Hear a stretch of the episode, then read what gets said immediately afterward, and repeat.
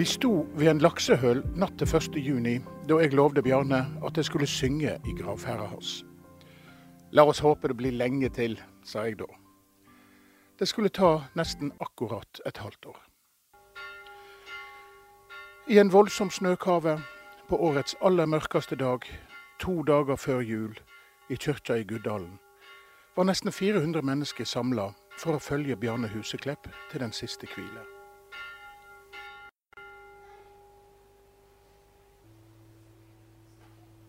Eg veit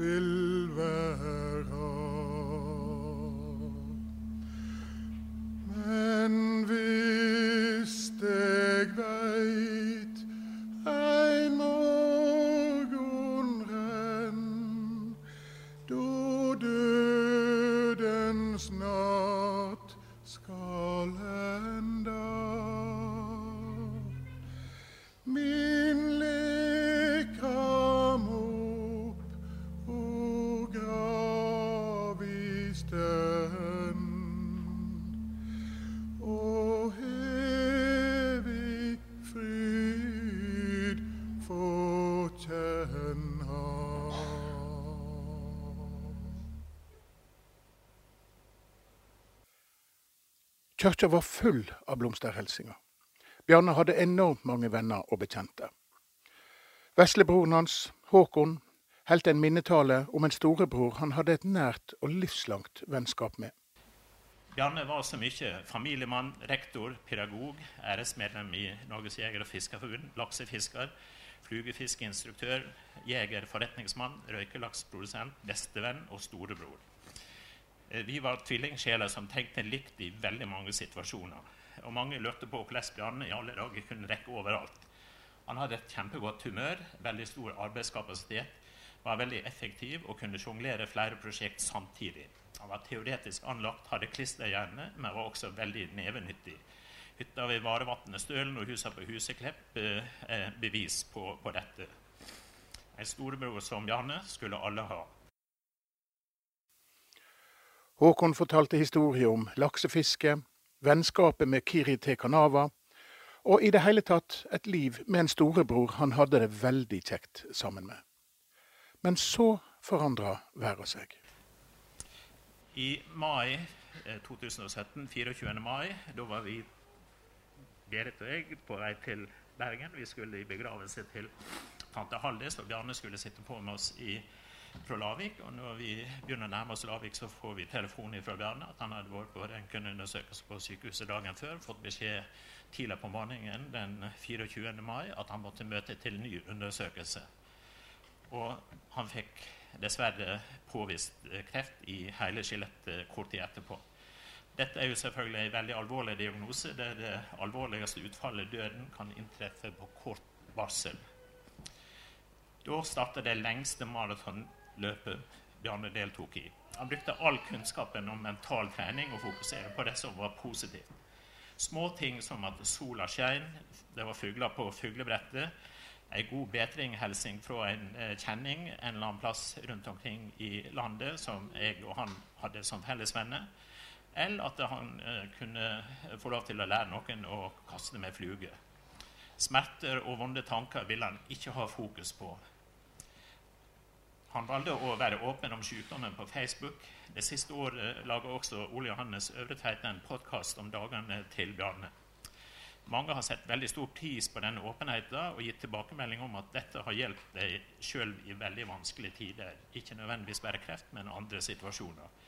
Dette var veldig viktig for Bjarne, og han brydde seg ikke om jantelova, de som syntes at slik åpenhet er en uting. Vi besøkte han ofte de, de siste ukene. Han lyste alltid opp og lurte på hvordan det gikk. Det var tøft å se at en så sprek og aktiv mann sakte, men sikkert ble brått ned av sykdommen. Siste besøket vi hadde hos Bjarne, var kvelden 13.12. Eh, Medan vi var der, ble senga hans flytta bort til terrassedøra som ble åpna. Han fikk ei siste naturoppleving med frisk luft lett snøfall og se julelysa i trærne. Da vi reiste fra Huseklepp, sa jeg til Berit at nå er Bjarne inne på oppløpssida av maratonløpet. Han døde om natta etterpå. Et storebror som Bjarne skulle alle ha. Takk for alle fantastiske opplevelser vi har hatt i lag. De gode minner lever videre. Jeg vil rette en spesiell takk til Sorun, som har støtta Bjarne på en fantastisk måte under hele sykdommen, og særlig de siste månedene, da han tilstand ble forverra. Takk også til Helene og Solbjørg og resten av familien. Jeg lyser fred og minne til Bjarne. Hvil i fred, Håkon.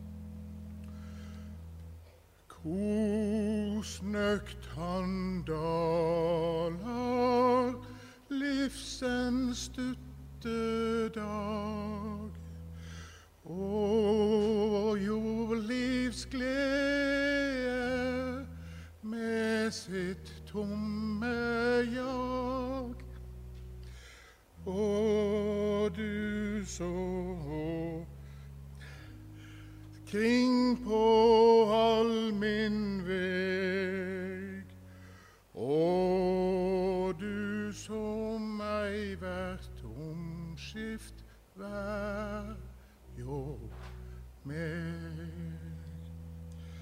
Syn meg din kross når augo mine brest. Lys meg til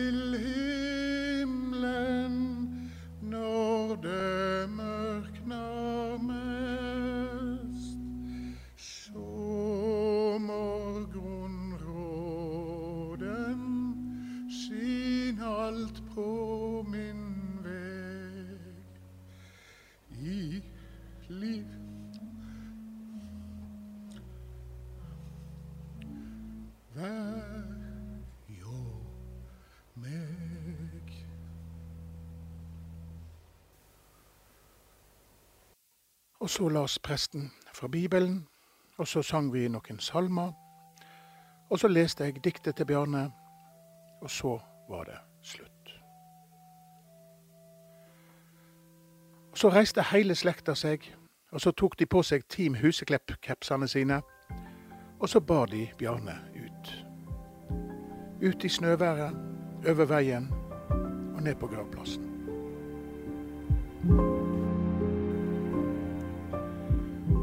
Nå har snøen lagt seg over blomstene på Bjarnes grav. Til våren begynner gresset å gro der, og snart er det bare en gravstein og minne igjen etter Bjarne. Og det han lærte oss. For det viktigste vi kan strebe etter her i livet, det er å være lykkelige. Og det var Bjarne god på. Samme hvor vanskelig livet ble, så fant Bjarne alltid noe å glede seg over. Når synet svikta så han ikke kunne gå i fjellet lenger, gledde han seg over at han kunne holde flågefiskekurs. Når han lå på Haukeland sykehus og fikk strålebehandling for svulster i hjernen, var det bare én ting som sto i hodet på han, å få framskunda behandlinga og komme seg derifra, slik at han fikk med seg åpninga av laksefisket 1.6. Og da han mista kreftene, gledde han seg over at han kunne sitte i en stol ved røykeriet og fortelle oss andre hvordan vi skulle gjøre det. Da han ble lenka til rullestolen, gledde han seg over at sola skein, så han kunne få seg en trilletur. Nei, han var en glad gutt, Bjarne. Det er et stort, tomt hull i verden, der han skulle vært. Og det er lett å tenke at tilbake er bare sorga. Men en av de siste gangene vi møttes, så var Bjarne litt trist. Vi satt oppe ved røykeriet og prata i tre timer, og da kommer en nå inn på litt av hvert. Det som gjorde Bjarne litt trist denne dagen, var tanken på den sorg og smerte folk rundt han ville føle når han var borte. Og da fortalte jeg han ei historie. For sorg veit jeg litt om. Jeg mista far min da jeg var 31 år gammel. Det hadde skjedd ting som gjorde at jeg og far min kom veldig nær hverandre de siste to år han levde. Vi var sammen nesten bokstavelig talt dag og natt. I hagene våre, på hjortejakt, på byggeprosjekt. Han var til og med med meg på fisketur, sjøl om jeg veit at han syntes det var veldig kjedelig. Det var alt mulig. Og så fikk han nyrekreft, og tre måneder seinere var han død. Jeg gikk inn i ei bunnløs sorg. Ei sorg som saug all glede ut av alle dager, og som jeg bare ikke kom meg ut av. Det gikk ett år. Et langt og mørkt og vondt år. At jeg ikke ble skilt, skyldes nok bare at kona mi er en skikkelig stabeis. Men jeg var i ferd med å la sorga ødelegge livet mitt. Akkurat her husker jeg at Bjarne kom litt på gråten. Du tenker kanskje at det er litt drøyt å fortelle sånt til en dødssjuk mann. Men vi snakker veldig fritt om veldig mye, jeg og Bjarne. Og så er det jo et poeng med denne historien. For så, nemlig, en dag, på en bygdemarknad, kom det ei eldre dame bort og satte seg attmed meg ved et kafébord. Jeg visste godt hvem hun var. Hun var mor til bestekameraten min i barneskolen. I flere år gikk jeg inn og ut av det huset, og hun og mannen hennes de var så veldig glad i hverandre. Det var ei kyssing og klemming så du kunne bli helt flau. Noen år seinere ble mannen sjuk og døde, og kona var heilt utrøstelig. Hun sørgde så fælt og så lenge at jeg husker at foreldrene mine var skikkelig bekymra for henne. Nå var det sikkert 15 år siden sist jeg snakka med henne, men nå kom hun altså bort og satte seg ned og spurte meg hvordan går det med deg? Nei, det går ikke så bra, måtte jeg jo innrømme. Ja, tenker du mye på far din? spurte hun.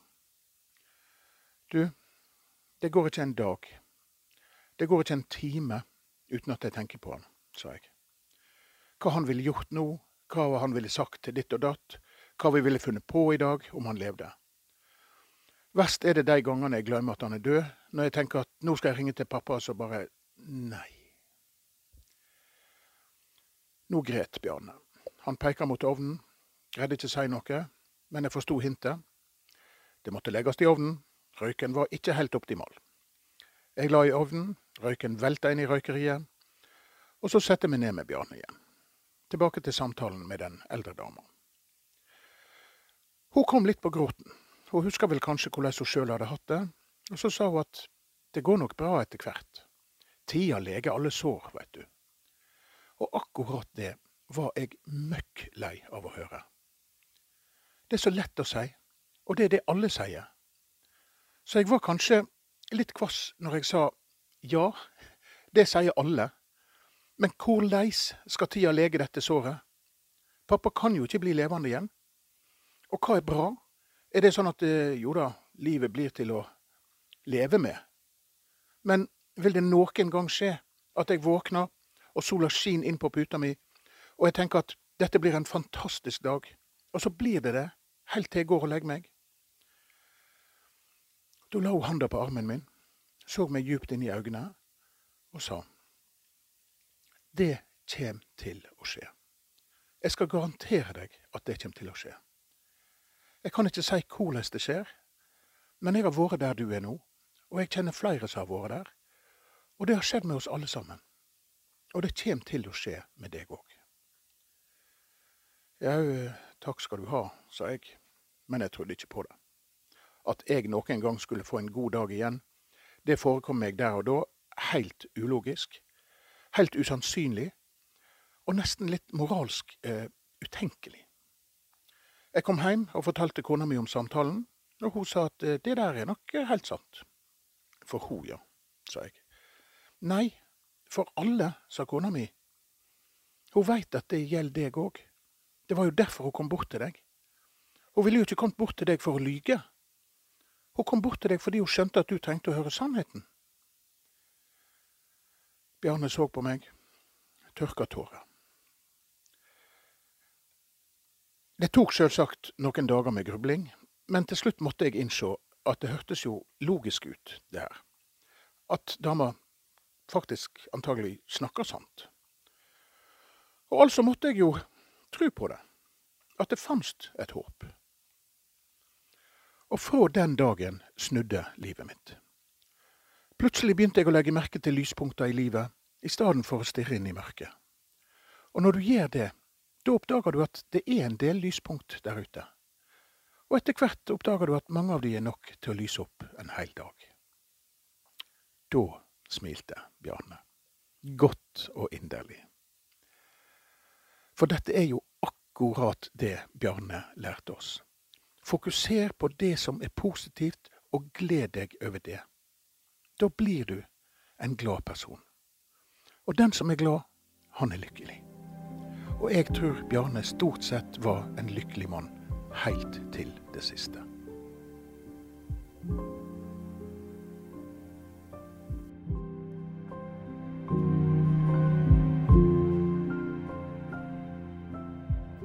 Du har nå hørt siste episode av podkasten 'Bjarne så lenge jeg kan snakke'. En podkast produsert av Firda Media. Mitt navn er Ole Johannes Øvertveit. I denne episoden hørte du også Mark Taylor spille orgel.